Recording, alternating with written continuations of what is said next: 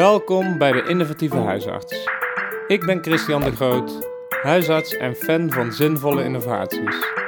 Want ik ben ervan overtuigd dat de beste zorg nog niet bestaat. Nog niet. Vandaag ontmoet ik Dennis Pot. Hij is huisarts in Hilversum en noemt zichzelf de Groene Huisarts. Als eerste huisarts in Nederland kreeg hij zijn praktijk CO2-neutraal. Ik vroeg hem wat duurzaamheid voor hem betekent, hoe hij aan de slag is gegaan en wat het voor hem en zijn patiënten oplevert. Hallo Dennis, we zijn op jouw uh, praktijk in Hilversum, net even een rondje gelopen, een, mooie uh, moderne praktijk. Voordat ik jou van alles ga vragen over uh, deze mooie duurzame praktijk en hoe je dat hebt vormgegeven, heb ik twee stellingen en dan mag je alleen maar ja of nee op antwoorden. Uh, stelling 1. Elke praktijk kan in potentie CO2-neutraal worden. Ja. Kijk, kijk. Uh, daar komen we later nog eventjes op terug natuurlijk. Uh, en stelling 2. Er is voldoende aandacht voor duurzaamheid in de zorg. Nee. Oké, okay, nou. Um, ja, allereerst, de, waarom vind jij duurzaamheid zo belangrijk? Ja, uh, nou, bedankt voor de uitnodiging. Leuk om hierover te praten. Um, ik ben er eigenlijk een beetje ingerold. Um, en dat is met name omdat ik een nulpraktijk ben gestart als huisarts. Dat betekent dag 1 nul patiënten, bord in de tuin en op zoek naar nieuwe patiënten. En uh, nou ja, het nadeel van 0 patiënten is ook 0 euro. Um, dus aanvankelijk was het ook uh, puur uit kostenbesparing. Ik ben gewoon gaan kijken uh, naar al mijn uh, uitgaves en ik ben alles gaan reduceren. Ik ben kritisch gaan kijken naar mijn, naar mijn praktijk. En omdat we, ik thuis wel uh, duurzame uh, acties uh, ondernam, bijvoorbeeld afval scheiden, dacht ik dat het lijkt me zinvol om dat in de praktijk ook te doen. Waarom doen we dat eigenlijk niet? Um, en zo ben ik ja, kritischer ook wat betreft duurzaamheid gaan kijken. En zo is het balletje gaan rollen. Ja. En je zei het net zelf al, dus privé vond je dat ook al uh, leuk om, om daarmee aan de slag te gaan. Waar komt dat vandaan? Wat is, waar komt jouw passie voor duurzaamheid vandaan? Nou, het is niet, uh, ik, ik, moet ook eerlijk toegeven, ik, ik, niet dat ik de meest duurzame persoon hè, op, uh, van Nederland ben. Zo is het ook niet. Hè. Dus ik, uh, het is allemaal, allemaal relatief, maar ik vind het met name belangrijk uh, ja, dat we toch een, een, met z'n allen een toekomst hebben op deze aarde.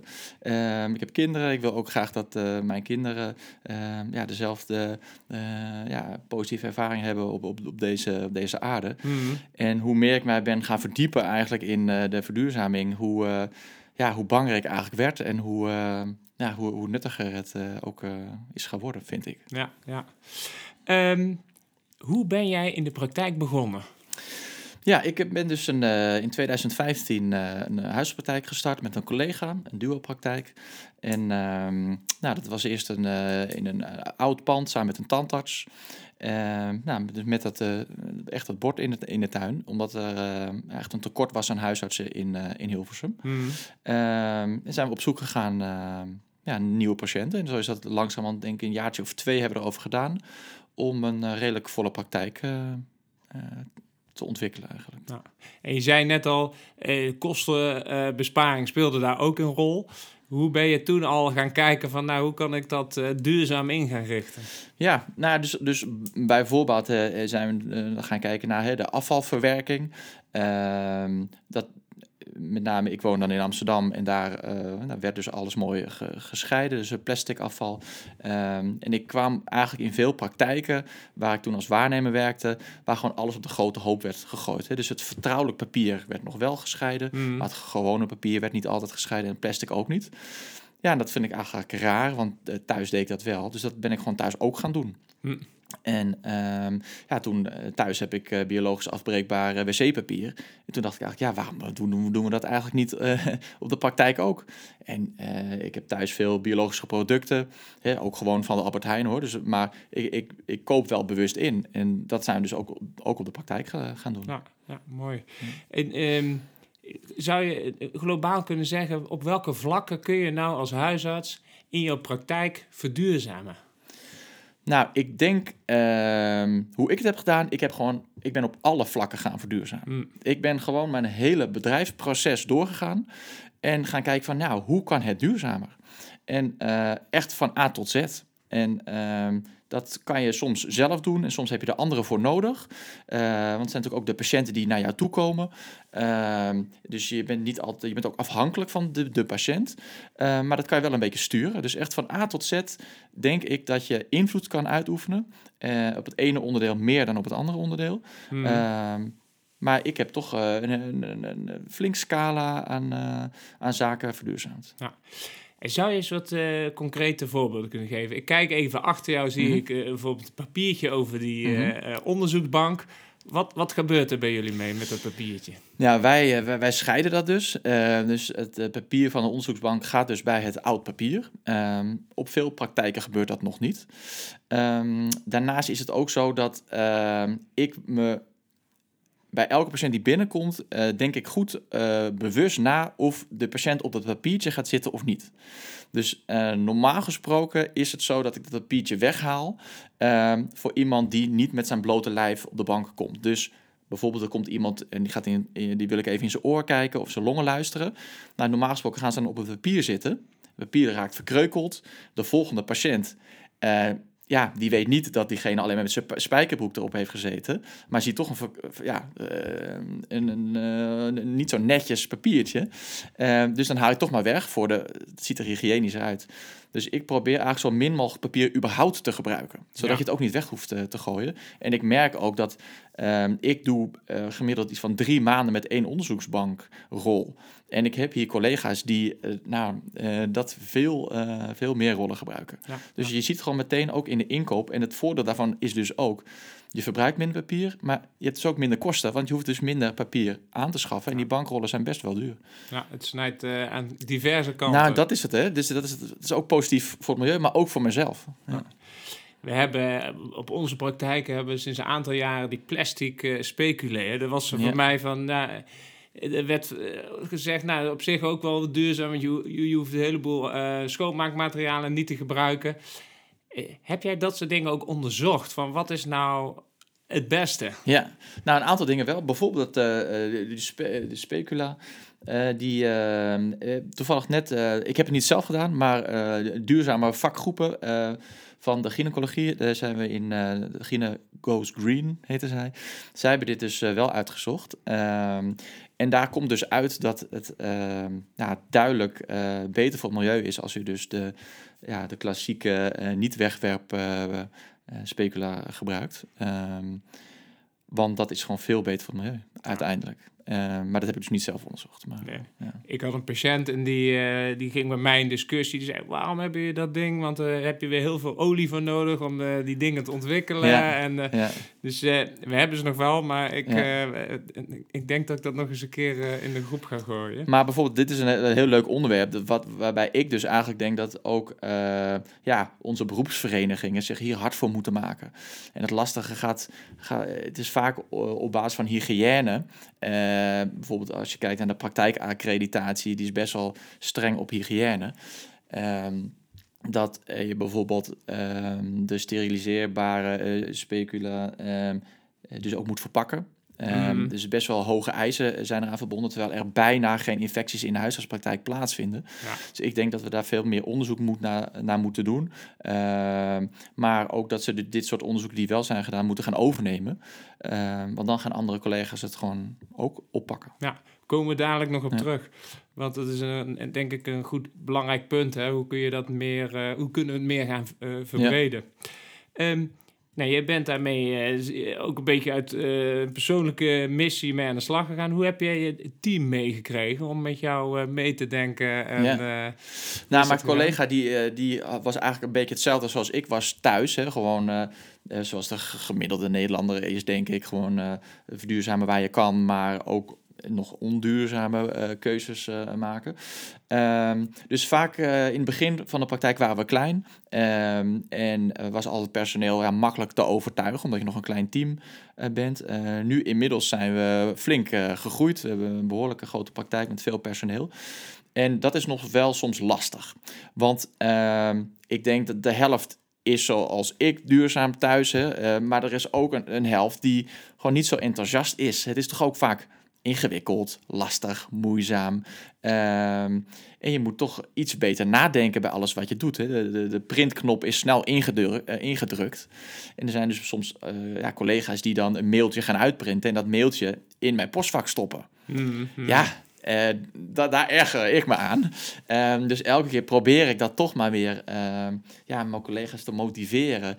En eh, aan te geven, hey, eh, doe dat gewoon niet. Het is echt, echt niet nodig. Maar je hebt wel een soort van enthousiaste kern nodig. Ehm, wil het echt gaan leven in de praktijk. Ehm, of ja, zoals ik gewoon eh, de aanhouder wint. Ja, ja, ja. Dus als je een paar kaarttrekkers hebt Ja. en mensen die blijven Echte volharden, ja. dan... eh, Ja, ik volhard gewoon en eh, ik heb nog een paar collega's met mij. En dat helpt gewoon. Ja, ja mooi. Ehm, ik las ook iets dat jij met, in een interview waarin jij iets vertelde over financiering. Mhm. Want soms zul je denk ik ook wat extra moeten investeren om het later weer eh, t- eh, terug te winnen. Kun je daar iets eh, over Ja, vertellen? ehm, bijvoorbeeld die financiering van de bank. Op het moment dat wij praktijken begonnen, ehm, ja, hadden we natuurlijk geen geld en we waren wel op zoek naar financiering. En het leek me nou leuk om bij de meest duurzame bank van Nederland, hè, om daar financiering te regelen. Ehm, maar ja, het lukte toch niet om de financiering rond te krijgen. Dus Hmm. uiteindelijk zijn we toch bij ja, een andere bank gekozen waar eh, heel veel eh, artsen bij zitten. En die waren wel bereid om eh, mijn financiering te verlenen. Ehm, uiteindelijk heb ik nu ja, heb ik een bloeiende praktijk en is in financiering geen probleem meer. En nu ben ik dus ook eh geswitcht van bank. En nu ben, heb ik, ben ik naar de, de meest duurzame bank van Nederland overgegaan. Ik weet niet of ik hier ja, je nog, mag wel reclame, reclame maken. mag mij, maken. Nee, dus ik, wij zitten nu bij de Volksbank. Eh, en een onderdeel daarvan is dus eh, SNS. En dat is al jaar en dag de, de meest duurzame bank van Nederland. En eh, ik denk dat dat zijn ook de eh, kleine dingen die je kan doen met een grote impact. Hè. Ehm, de meeste huisartsen zijn toch nou, ja, relatief vermogend. En het gaat natuurlijk om wat anderen met jouw geld doen. Hm. En als de ene bank dat investeert in ja, wapenhandel of eh, in olie, ehm, ja, ik denk dat het verstandig is om jouw geld dan te beleggen hè, eh, of in neer te zetten bij een, een duurzame bank, die dus duurzame keuzes maakt. Ja. Dus dat zijn soms kleine dingen of eenmalige dingen. Dus eenmalig switchen van bank, eenmalig investeren. En dat is dan eigenlijk de rest van ja, je leven, slash eh, de duur van je praktijk. ehm, ja, wordt er eh, duurzaam met jouw geld eh, omgegaan. Mooi voorbeeld. Ja. Ehm, en hoe weet je nou, want jij, jij hebt jezelf eh, volgens mij in 2021 heb, heb je geconcludeerd dat je CO2-neutraal was. Maar Ja. Hoe kun je dat nou weten? Hoe kun je dat nou meten? Of, ja, dat eh, was nog best lastig, want eh, toen ik eigenlijk begon, eh, ben ik eigenlijk gaan googlen. Hè? Heel simpel, huisarts, duurzaamheid.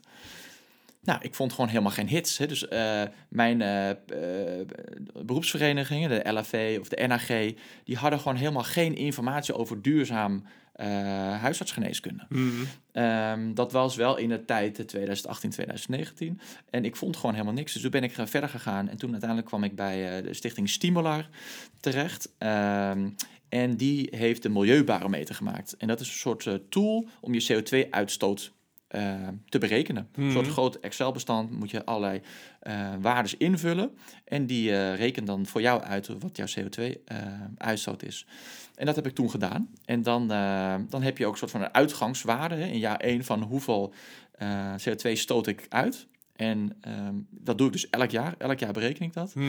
En dan elk jaar eh, probeer ik eh, ja, één onderwerp eruit te pakken eh, die ik ga verduurzamen. Ja. En met als doel dan eh, door ja, volgend jaar, dat je, of het jaar daarop, dan minder CO2 uit te stoten. Ehm, en eh, ja, je kan dat, eh, je kan jaar één meteen tien projecten doen, maar je kan het ook geleidelijk aan doen. Ja. Ehm, en ik denk dat dat eh, ja, voor de meeste praktijken goed haalbaar is om te doen, om gewoon één punt per keer te pakken. Dus die milieubarometer, dat is gewoon eh, een instrument wat iedereen, ook privé, eh, Ja. kan gebruiken om eh, Ja. een berekening te maken. Zeker, het kost wel een, een- wat geld om het aan te schaffen, maar dat is eh, ehm, niet het allergrootste bedrag. Ehm, en ja, dat geeft je gewoon een, een uitgangssituatie. Oké. Ehm, ik las dat jij ook ja, zo, gebruik maakt van organisaties zoals Trees for All, eh, Green Deal las ik. Ja, kun, kun je daar iets eh, meer over vertellen? Ja, kijk, de, de, ik, ik gebruik eh, de Green Deal. korte toelichting is een ja, Europese samenwerkingsverband tussen verschillende sectoren. Dus je hebt bijvoorbeeld de Green Deal eh, eh, gezondheidszorg, maar ook Green Deal metaalbouw. En eh, hebben we dus Europese afspraken gemaakt over doelstellingen die we willen gaan behalen. Hmm. Ehm, dus eh, met name ook eh, minder afvalproductie, minder CO2-uitstoot. Ehm nou, gewoon een, zorg van een beter klimaat. Ehm, en daar hebben dus diverse organisaties zich achter geschaard. Hm. Ehm, en op het moment dat ik daarachter kwam van de Green Deal, ehm, ja, was het dus dat onze beroepsverenigingen die eh, niet hadden ondertekend eh, in 2018. En dat, eh, ja, dat vond ik wel heel jammer. Want ehm, ja, dat, dat, dat miste ik destijds. Hm. Nou, later heeft de LFV en NRG hebben wel getekend. Inmiddels zijn we nu bij de Green Deal 3.0. Eh, voor eind vorig jaar is die afgesloten. Ehm, nou, en eh, heel fijn dat de, de NHG wederom heeft getekend. Maar tot mijn verbazing eigenlijk eh, laat de LHV het afweten. Dus de LHV heeft de Green Deal 3.0 niet getekend. Terwijl ze de Green Deal 2.0 wel hebben getekend. En dat vind ik echt jammer, want dat, dat is toch een signaal wat je uitgeeft of afgeeft aan jouw achterban. eh, als zijnde van, nou ja, blijkbaar vinden ze het niet nodig. Eh, ze hebben daar wel een bepaalde verklaring voor waarom ze dat hebben gedaan. Ehm, en dan met name dat ze zeggen, ja, onze achterban zit daar niet zo op te wachten. En eh, huisartsen hebben het al druk genoeg. We willen de huisartsen niet te veel belasten.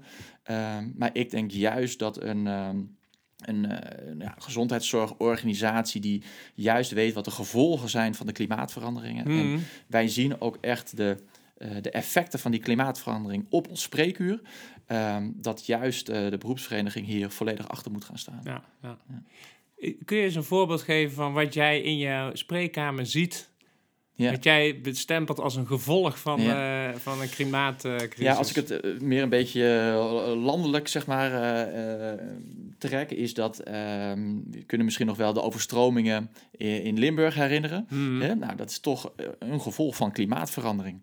Hè? Dus dat, eh, dat was niet hier in Hilversum, maar de huisartsen in Limburg zagen gewoon direct de gevolgen ehm, ja, van ehm, ja, toename van overstromingen. We zien een toename van de hittegerelateerde doden.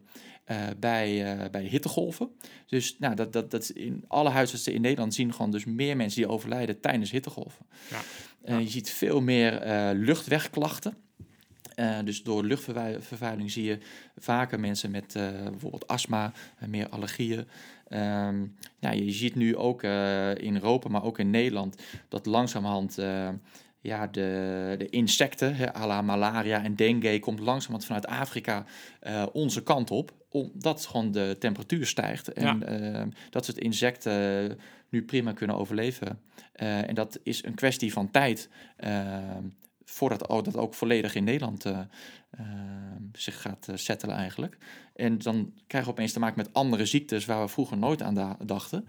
En dat is natuurlijk niet dat je dat dagelijks ziet, maar dat, eh, zo langzamerhand zie je dat het steeds meer terugkomen. En ik zag ook dat je een eigen website hebt. Of, Ja. Je vertelde mij net, voor, voordat we gingen opnemen... dat je met een aantal gelijkgestemden de, de Groene Huisarts hebt opgericht. Nou, de Zeker. naam komt van jou, geloof ik. Hè? Ja, klopt. Ja. Nee, dus toen ik eh, aanvankelijk was ik alleen gefocust op mijn eigen praktijk en eh, merkte ik dat eh, in huisartsenland er eigenlijk eh, weinig eh, animo was voor, voor, voor duurzaamheid. Toen dacht ik, nou, ik, ik richt gewoon de website De Groene Huisarts eh, op en daarbij heb ik mijn hele verduurzamingsproces, hoe ik dat heb aangepakt, gepakt, heb ik weergegeven, met name voor collega's. Dat als zij wat willen, kunnen ze dat googlen en kunnen ze dat ook oppakken. Hmm. Ehm, maar omdat ik die website had, werd ik ook benaderd door andere groene collega's.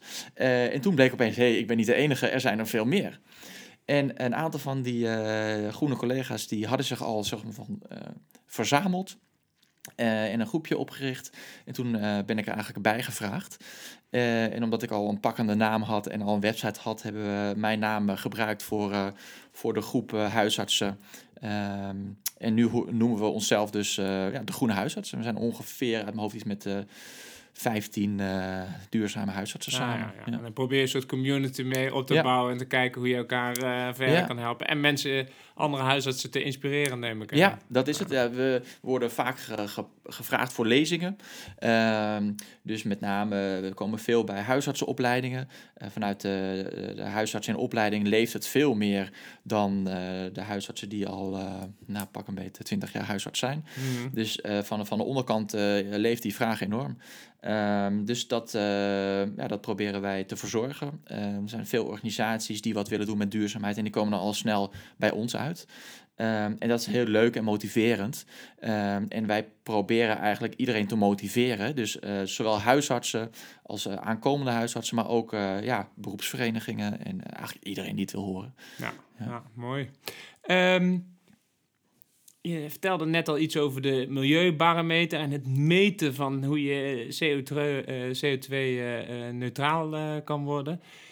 Eh, kun je nog iets vertellen wat eh, ja, jouw praktijkmedewerkers daarvan eh, merken? Want ja, jij bent de kartrekker en jij schaft... alle- kun je eens vertellen hoe de, jouw medewerkers hier Ja. geconfronteerd worden met dagelijkse werkzaamheden? Met Ja, zeker. Ehm, nou, bijvoorbeeld voor die milieubarometer moet je ook je, ehm, je woon-werkverkeer ehm, in kaart brengen. Dus elk jaar vraag je weer aan mijn assistentes van... ehm, hey, hoe ga je eigenlijk naar de praktijk toe? Huh? Eh, ik zie dat jij in Hilversum woont. Hoe kan het nou dat je nog steeds met de auto naar het werk gaat? Eh, iedereen die, eh, die dat wil in onze praktijk hebben een fietsenplan aangeboden. Zo'n btw-trucje dat je dan eh, eh, relatief voordelig een fiets kan aanschaffen. Mhm. Dus wij motiveren vooral ook ons personeel om duurzame keuzes eh, te, nemen. Dus dat is iets wat ik elk jaar aan hun vraag. Ehm, maar ze merken het bijvoorbeeld ook eh, recentelijk met de enorme stijging van de energieprijzen. We zitten hier in een gezondheidscentrum met eh, een stuk of zeven andere gezondheidszorgorganisaties. en we zagen dat de energierekening van juli 2022 acht keer zo hoog was als in eh 2021, dus het jaar daarvoor. Dus een factor 8. Zo. Nou, en dan gaat het mes opeens weer aan twee kanten snijden, want dan gaat het ook weer wel geld kosten. Dus mijn doel is vooral, we willen minder CO2 uitstoten. Dus eh, dan, dan kijk je toch naar je energierekening. Eh, want dat is eh, toch een, een, flink bedrag, eh, een percentage van de totale CO2-uitstoot. En gemiddeld genomen van alle gezondheidszorgpraktijken in Nederland is het ongeveer zo'n ja, eh 30 tot 38 procent van, Hmm. van je uitstoot. Dus dat is best een flinke hap. Ehm, toen ben ik het gesprek aangegaan van... hé hey jongens, we zien een factor 8 in kosten. Moeten wij niet wat gaan doen aan ons eh, ehm, eh, verbruik van, van, en van de verwarming... maar ook van de airco? Kunnen we afspraken maken van tot welke graden we de temperatuur mogen laten stijgen? Ja, ja. En hoe eh, koud wil het in de zomer laten worden met de airco? Nou, toen hebben we dus afspraken gemaakt. Bijvoorbeeld dat we de, de kachel maar tot eh, 19 graden laten opstoken. Hè? En voorheen was het hier 20 en afhankelijk als je een koukleun was, dan zetten mensen hem soms op 23 graden. En nu hebben we gezegd, ja, eh, dat leidt tot heel veel meer CO2-uitstoot, terwijl je ook gewoon een warme trui aan kan doen. ja. Ehm, dus dat zijn wel de directe gevolgen. Ehm, ja, daarnaast scheiden we afval. Het, dat, dat, eh, en met name ook, ehm, eh, misschien nog wel leuk om te vertellen, dat is ook eh, veel huisartsen weten dat mogelijk nog niet. Maar we hebben allemaal medische producten nodig. Dus bij de groothandel bestellen we die. En wat, wat mij was opgevallen, ik ben dus gaan kijken van hoe vaak komt er nou eigenlijk een vrachtwagen of bestelbus bij mij op de praktijk. Oh ja, ja. Dus dat ben ik gaan inventariseren. En toen zag ik dat er eigenlijk per bestelling ehm, bij de groothandel echt gemiddeld genomen vijf busjes kwamen rijden. Dus ik ben die groothandel gaan bellen. Ik zeg, ik doe één bestelling. Waarom leef je nou vijf keer? Toen zeiden ze, ja meneer, ehm, u heeft het vinkje bestelling per product aanstaan.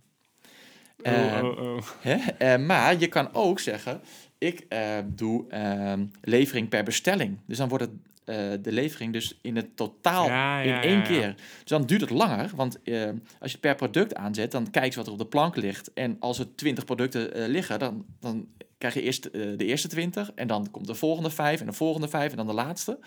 En voor je het weet komen ze dus vijf keer voor één bestelling. Nu heb ik het gewoon een simpel vinkje aan, aangezet. En nu komen ze voor één bestelling één keer. Kijk. En dan moet je net weten, maar ik ben dus mijn hele, hele al mijn ketenpartners ben ik afgegaan. En dan ben ik gewoon vragen gaan stellen. Mooi. Ja. En dan stukje bij beetje, al die kleine beetjes bij elkaar merk je dat je Ja. enorm ver- ver- Ja. verschil, eh, Ja. verschil maakt. En is er nog iets eh, wat jij gebruikt om het, eh, ja, alle processen die jij hebt eh, omgezet, om dat te onderhouden, te monitoren? Heb je daar iets voor verzonnen? Nou, dat Of, doe ik dus via de milieubarometer. Dus elk jaar vul ik die milieubarometer opnieuw in. Dus dan kijk ik opnieuw, zijn er, is personeel verhuisd? Hebben ze opeens bijvoorbeeld een elektrische auto aangeschaft? Ehm, dus elk jaar zie je dus veranderingen. Dus ik zie, elk jaar moet je dus je, je waterrekening, je gasrekening, alles, elektriciteitsrekening, vul je dan in. En dan zie je dus ook verschillen. Eh, dus als je dan opeens ziet van, hé, hey, mijn mijn energierekening is opeens veel hoger geworden. Hoe kan dat? Hè? En dan kan je dus dat gesprek aangaan. En zo zijn wij dus het gesprek aangaan met alle onderhuurders van... jongens, we moeten echt wat doen aan, eh, ja, aan, aan, die verwarming en de ja, airco. ja, ja. Ehm, nou, eh, ik heb een mooi beeld gekregen wat er hier op die praktijk. Ik zie me dan al voor me als het dan een koude dag is, dat iedereen een ouderwetse wollen Ja, dat is echt, echt, echt zo. ja. wat merken patiënten eh, daarvan?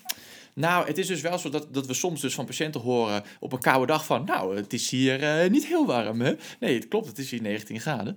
Eh, dus dat, dat wel. Ehm, kijk, gemiddeld genomen denk ik dat eh, de gemiddelde patiënt het niet echt merkt. Hè? Ehm, ik heb een website die dat heel erg promoot. Dus als een geïnteresseerde patiënt kan zich helemaal verdiepen in mijn website... en die kan alle informatie vinden, maar ja, de gemiddelde patiënt die komt toch niet helemaal eh, op die website en op de duurzame producten. Ik heb bijvoorbeeld een sticker van, eh, eh, op de deur van de Klimaatdokter. Dat is een organisatie die zich ook inzet voor het klimaat. En dus zijn wij ja, gelieerd. Ehm, dus ja, eh, die mensen die zien dat. Hè. Eh, bij mijn, eh, bij mijn airco-unit, verwarming unit, heb ik ook een, een sticker. Hè, dus mensen dus die het willen zien, kunnen het zien. Maar hangt die? Daar hangt hij. Oh, dus daar, ook, ja, ja, ik zie Hè, dus, het, ja. En dan eh, krijg je toch vaak opmerkingen, goh, jullie klimaatdokter, wat is dat eigenlijk? En dan probeer ik dus het gesprek aan te gaan. En dat is ook wel leuk, dat eh, als voorbeeld bijvoorbeeld, als ik dus een patiënt krijg hè, met overgewicht, met hypertensie, verhoogd cholesterol, ja, zijn er eigenlijk twee dingen die je kan doen. Je kan zeggen, nou ja, volgens de NRG-standaard ja, komt hij in aanmerking voor pilletje A, B, C. Ehm, dat kan ik u voorschrijven. Eh, maar je kan ook zeggen van, nou, ik, laten we het op, over een andere boeg gooien. Laten we met name eh, de duurzame optie kijken. Laten we proberen van, hey, overgewicht, laten we afvallen. Ga naar een diëtiste, ga naar leefstijlcoach. Probeer nou echt duurzaam te investeren in jezelf. eh, in plaats van het tabletje, wat je de rest van je, of die meerdere tabletjes, die je de rest van je leven eigenlijk moet gaan gebruiken. Ja, Wat ja. eigenlijk niet duurzaam is. En het lost ook niet problemen op. Hè? Het, het, het pampert allemaal een beetje. Terwijl, ja, eh, je leefstijlverandering, daar moeten we eigenlijk veel meer op focussen. Dus dat begrip duurzaamheid kun je, kun je zo ook heel erg Nou, dus verbreden ja. naar wat, Zo, je, ja. wat je in de praktijk eh, met Maar zo leef- zie ik het ook, kan doen. Ja. Dus ik zie het ook, elk pilletje wat ik voorschrijf, is eigenlijk hè, vervuiling van het milieu. Zo zie ik dat dus ook. Ja. Dus ik probeer dus ook minder medicijnen voor te schrijven. Mooi. Eh, ik heb een heel mooi beeld gekregen. Eh, je praat heel gepassioneerd over wa- wat je allemaal kan doen. En ik vind het ook geweldig wat je allemaal eh, eh, weet te bereiken. Ik wil even terugkomen op, eh, op de twee stellingen. Nou, de, de eerste, elke praktijk kan in potentie CO2-neutraal worden. Dat was volmondig ja. Ik dacht even zelf aan... Er zijn misschien nog wel praktijken die in, in, in oude, slecht geïsoleerde panden zitten. Maar volgens jou kan dat daar ook wel. Nou ja, kijk, het is wel een beetje hoe je het bekijkt. Hè. Ehm, hoe ik uiteindelijk CO2-neutraal eh, eh, ben geworden, eh, is dat ik mijn CO2 bereken en de CO2 die ik dus uitstoot, daar plant ik dus bomen voor. En de bomen die ik plant worden beheerd tussen de 30 en de 50, 50 jaar. En er is dus een berekening gemaakt van hoeveel bomen, hoeveel CO2 die bomen uiteindelijk opnemen. Ehm, als we dat wereldwijd allemaal gaan doen, hè, eh, is er te weinig aarde om zoveel bomen eh, te planten. Dus het planten van bomen is niet dé oplossing. Maar ik denk dat wel een begin van de oplossing is als iedereen verantwoordelijk is voor zijn eigen Ja, ja. CO2-uitstoot. En ehm, dus een, een huisarts in een oud pand heeft natuurlijk een hogere energierekening, hè, zeker. Eh, maar ook die heeft geregeld de mogelijkheid om zonnepanelen bijvoorbeeld te installeren, waardoor dus ja. ehm, Je ziet dat je CO2-belasting naar, naar beneden gaat. En je kan er altijd dus je CO2 gewoon compenseren.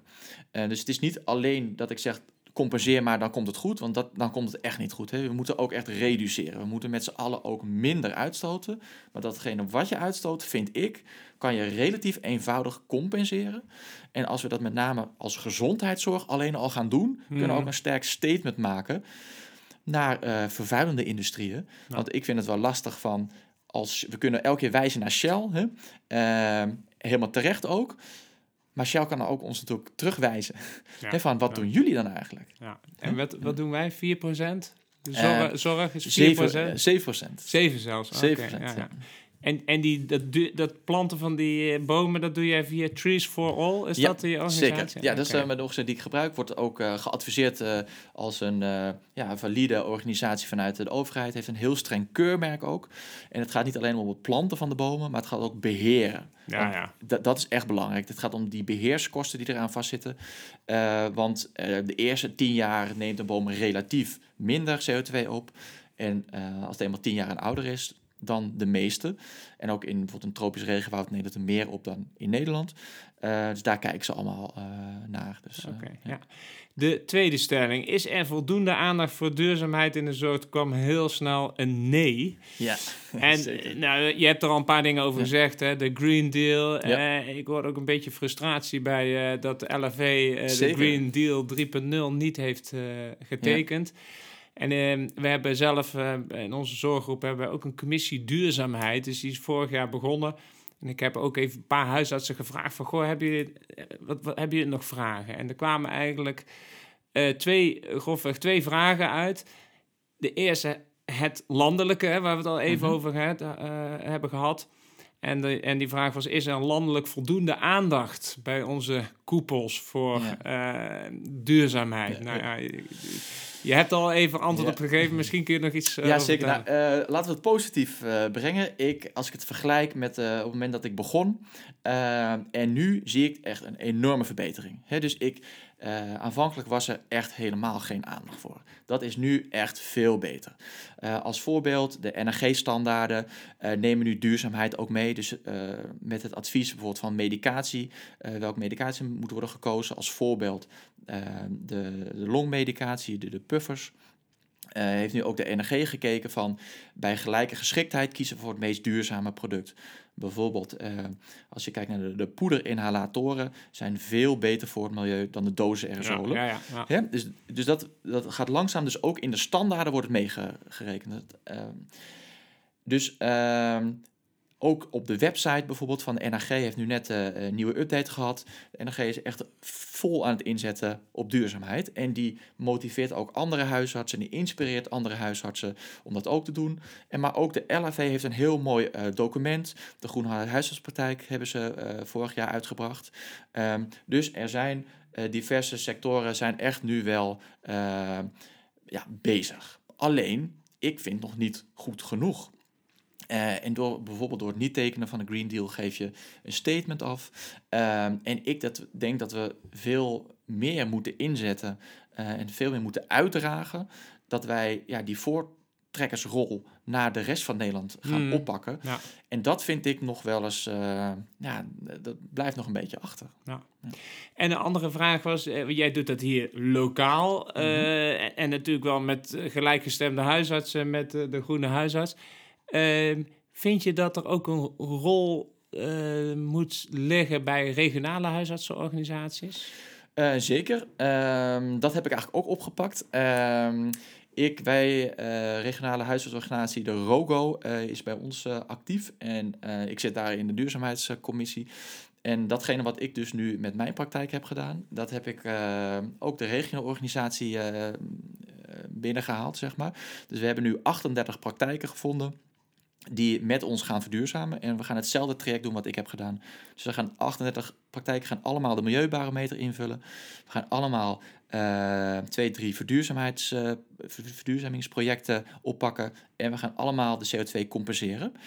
Dus ik denk dat juist een regio-organisatie uh, je ook echt praktisch kan helpen. hè? Dat je de huisartsen die je kent, dat je daardoor wordt gemotiveerd, dat je tips en trucs en tools in handen krijgt om dat uh, op te pakken. Ja. Um, dus ik denk zowel regionaal als landelijk uh, moeten toch de grotere organisaties de kar gaan trekken. Nou, en, en trekken de zorgverzekeraars daarmee uh, met jullie op? Of hoe, uh, um, je nou, zo'n project in? Ja en nee. Um, we hebben dit jaar financiering ge gekregen van uh, Zilveren Kruis. dat gaat dan nog wel uit de S3 gelden. Dat is met name de innovatiegelden. en we hebben dus nu financiering gekregen om dit project te doen. Dat is wel eenmalige financiering uit een innovatiepot ik vind duurzaamheid geen innovatie, maar ik vind dat eigenlijk core business. Hè? Dus ik vind dat we uh, structureel uh, ons bezig moeten houden met verduurzaming. Dus ook in de regioorganisatie moet er gewoon een structureel een duurzaamheidscommissie zijn, die dus bij elke beslissing eigenlijk meedenken van hey, hoe zit het op duurzaamheidsniveau? Um, maar dus ook bij, bij, bij de zorgverzekering, um, verzekeraar, denk ik eigenlijk dat er structureel geld moet komen, waardoor wij dus gemotiveerd worden om structureel te verduurzamen. Want één keer iets verduurzamen, daar red je het niet mee. Nee. Duidelijk. Mooi verhaal. En natuurlijk ga ik jou ook vragen. Wat uh, wil jij de luisteraar nog in één zin meegeven? Wat ik graag wil meegeven is: wees je bewust van je eigen klimaatimpact, zowel privé als op het werk. En als je dat eenmaal bent, probeer je in, uh, milieu-impact te verminderen. Dit was de innovatieve huisarts. Met een inspirerend verhaal om de zorg slimmer in te richten. Samen met mijn partners Meditools en Rabobank zoek ik verder naar nog meer mooie innovaties. Je hoort snel van me.